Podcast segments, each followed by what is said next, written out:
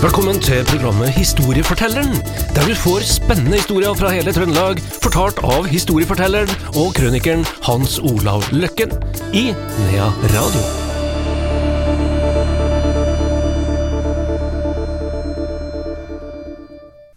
Historiefortelleren er tilbake, det er altså Hans Olav Løkken.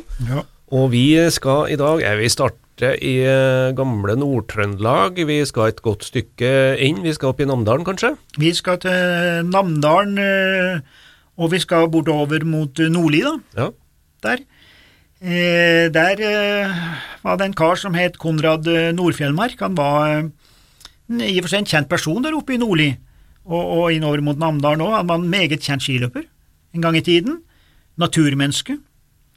Og han har da fortalt uh, litt om sitt liv, da, og, og, og det han vel uh, fortalt at de som heter May-Britt Asp da, i Botnan historielag, et av de her historielagene som, som driver ja, Jeg vet ikke om de eksisterer nå, men de drev nå i hvert fall veldig for en 20-30 år siden.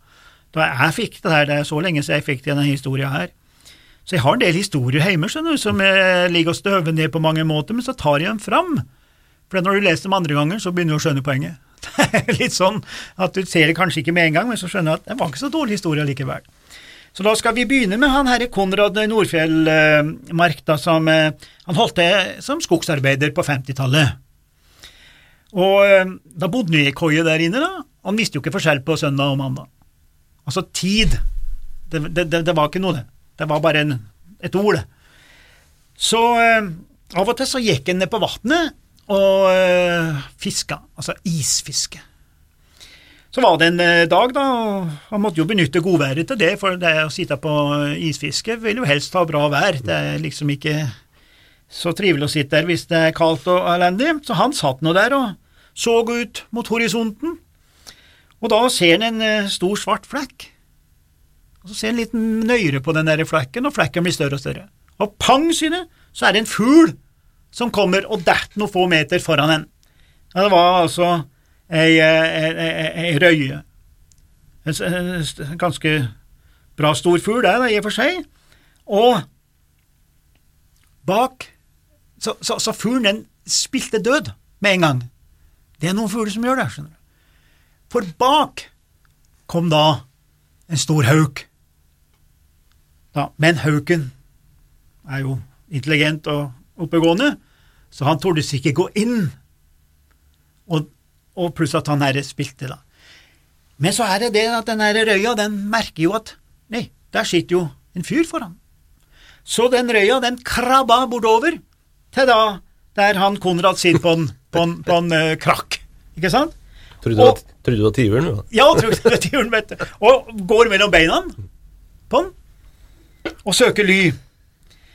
Og det her var jo eh, ganske overraskende for eh, til og med naturmennesket uh, Nordfjellmark. Så eh, han tar med den her røya da ned til Øybekkstua, som er ikke så langt unna likevel, men for der var det folk. Så han entrer da sivilisasjon etter å ha vært borte mange uker, med en bra fangst på mange måter. Og når han kommer og skal gå inn og vise den her røya til de folkene, så titta den her røya opp ham liksom sånn med sideblikk, og det blikket sa følgende, du skal vel drepe meg du òg. Da trodde vel røya liksom at nå, nå er, mitt liv ferdig, for å overdrive litt da. Men han hadde ikke tenkt å gjøre det. Han viste fram denne fangsten, og han satte, etter at folk har sett det, så satte han røya på trappa, men hun ville ikke. Hun ville ikke fly. Hun fløy inn og søkte ly. Og der hadde de da et kamera.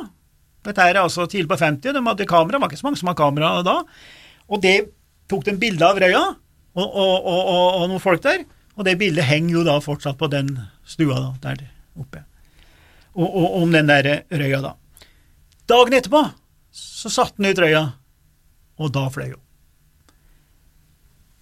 Og eh, det er jo klart det at uh, det her er ikke noe stor historie, men det er en liten historie likevel, av en naturopplevelse, om en fugl som er litt mer intelligent enn det vi kanskje tror, og som søkte trygghet, mens hauken, den ligger og hovrer fortsatt der ute, og forbanner han her nordmarkfyren.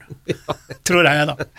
Vel, vi går videre borti på andre sida av Namdalen, eller oppe i Namdalen, vi skal jo eh, ytre Namdalen og litt sånn, da vi skal opp med Galten, da, som er nord av Namsos og sånn.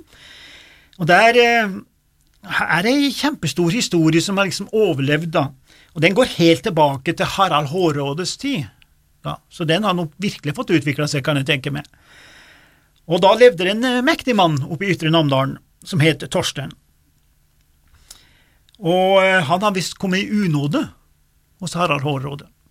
Og for de som eh, vil være med på litt voksenopplæring nå, så er altså Harald Hårråde eh, halvbror til Olav den hellige på slaget ved Stiklestad. Og Harald Hårråde han styrte jo i mange, mange år. Han ble jo da drept ved Stamford Bridge i England, og de tok han altså til Trondheim. Og de skulle gravlegge han da i den Maria Mariakirka som ikke finnes i Trondheim i dag, da, og senere flytt, ble flyttet til uh, ute på øya da ved, ved Nidarøhallen.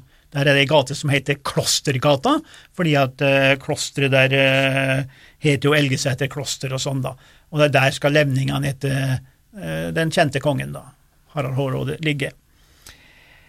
Men han, han styrte i mange år, Først så styrte han vel i lag med en annen, men så styrte han vel også vel over 20 år, tror jeg, som enekonge i Norge. Men han var nok litt eh, tøff med visse, så han eh, kom Han lyste da han Torstein fredløs. Fredløs betyr Det kan bety i og for seg to ting, at du ikke får være med på samfunnet for mange, men det kan også bety den mer amerikanske fredløse, at du er fritt vilt. Hvem som helst kan drepe deg og på mange måter nesten få en slags belønning for det. hvis vi... Nesten skuddpremie? Ja, nesten skuddpremie. ja. Det var, det var, var, var sånn. Det, I staten hadde vi jo folk som drev og levde av sånne ting, ikke sant, med å spore opp sånne. Men eh, han herre Torstein han hadde jo to venner her i livet. Det var kjerringa og Gerda, og så var det en hund som het Trofast. Og de hadde ikke noe valg, de måtte gjemme seg. Og de gjemte seg da langt inn i villmarka i Ytre Namdalen. Men av og til så kom de ned til bygda, og folk syntes litt synd på dem. Og de kom nok ned for antagelig salt, det var jo visse ting de måtte ha. Men de hadde funnet seg ei eh, hule der oppe, og kommet seg inn i en inngang, og de har vel klart å lage denne her hula beboelig, da, rensa og og, og, og laga det til en, omtrent som en slags festning, og der bodde de gjennom noen år. Eh, folk hadde på en måte litt kontroll på dem. De kunne se røyk, det var det ene, og de kom som sagt ned for å hente det mest nødvendige, men det var ingen som rapporterte dem inn, da. Så plutselig ble det slutt, de så ikke noe røyk, og de har hørt et enormt rabalder der oppe. Og da de tok seg oppover, så så de at naturen har tatt hula. Altså, hele hula hadde da rasa sammen, og har den formen som hula har den dag i dag. Så går det jo da selvfølgelig flere hundre år, ja, og det bygger seg på med både mystikk og spenning. Tradisjonsfortellinga den vokser jo per generasjon, som vi vet.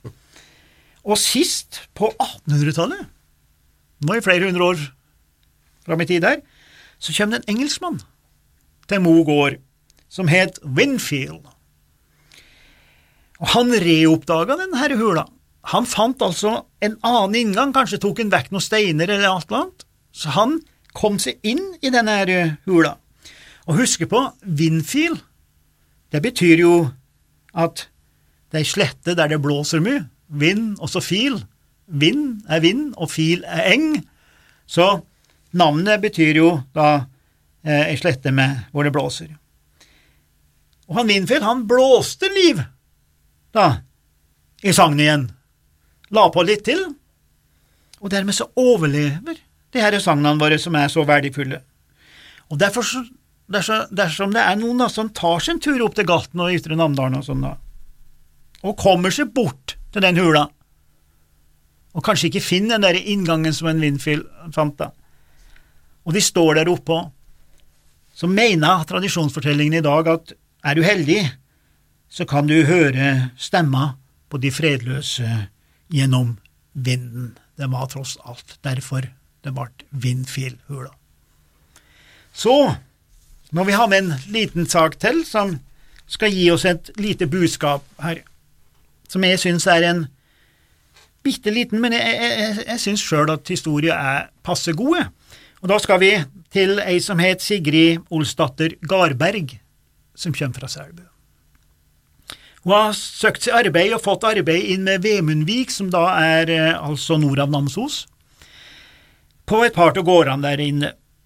Faren hadde da fulgt henne til Verdalen.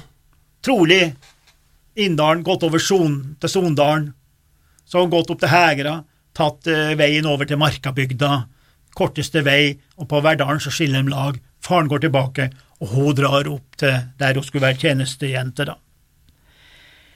Og det er klart, der tjenestejentene kom, der kom også frierne. Så hun ble gift, selvfølgelig, straks etterpå, med en som heter Petter Haukøy, og som er fra Haukøya, som er da ei øy straks utenfor Vemundvik, fortsatt nord av Namsos. Der hadde de ei sæter, litt på, andre, på, på fastlandet, og en dag så møtte hun Bjørn. Bjørn hadde tatt ei geit, men hun er Sigrid hun var ikke redd Bjørn, hun.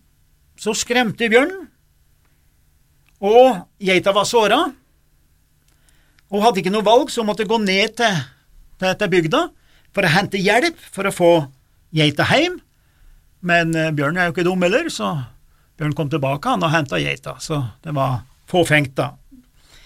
Hun, eh, Sigrid hun fikk fire barn, og da det fjerde barnet kom, de kom ganske tett, så drukne mannen. Det gjorde ikke livet lettere for oss, Sigrid. Hun sitter med fire små unger, enke, på en eh, forblåst plass på ei øy, og skal livberge seg. Det var ikke noe Nav den gangen. Hun sliter, hun klarer seg, men hun var uredd og var sterk. En dag tar hun ettåringen, altså siste som kom til, ei datter på armen, så går hun hjem til Selbu. Og så tilbake til Haukøya etterpå. Jeg tror kanskje at mulig at hun har fått en beskjed om at kanskje faren lå for døden, eller noe sånt. Jeg bare tenker meg til hvorfor gikk du fra Selbu? Nei, hvorfor gikk du fra langt nord av Namsos til Selbu med en ettåring, og så gikk du tilbake etterpå? Det må ha vært noe spesielt som gjør at du gikk så langt. Og så forsvinner historie bare der, og går ut av historiebøkene og, forsvinner i dobbel forstand. Men det er noe verdifullt med denne historien, for det, det, forteller oss selvfølgelig om en annen tid. Og eh, så kan man stille spørsmål rundt Matauk, det er jo én ting, men hvorfor gikk hun til Selbu sånn? Hvorfor eh, gikk hun de her enorme avstandene om et lite barn? Og det er en enkel og logisk forklaring på det, og det er hun visste ikke om noe annet. Hun visste ikke om noe annet. Derfor gikk hun. Og det var historia vår i dag. Takk til Hans Olav Løkken.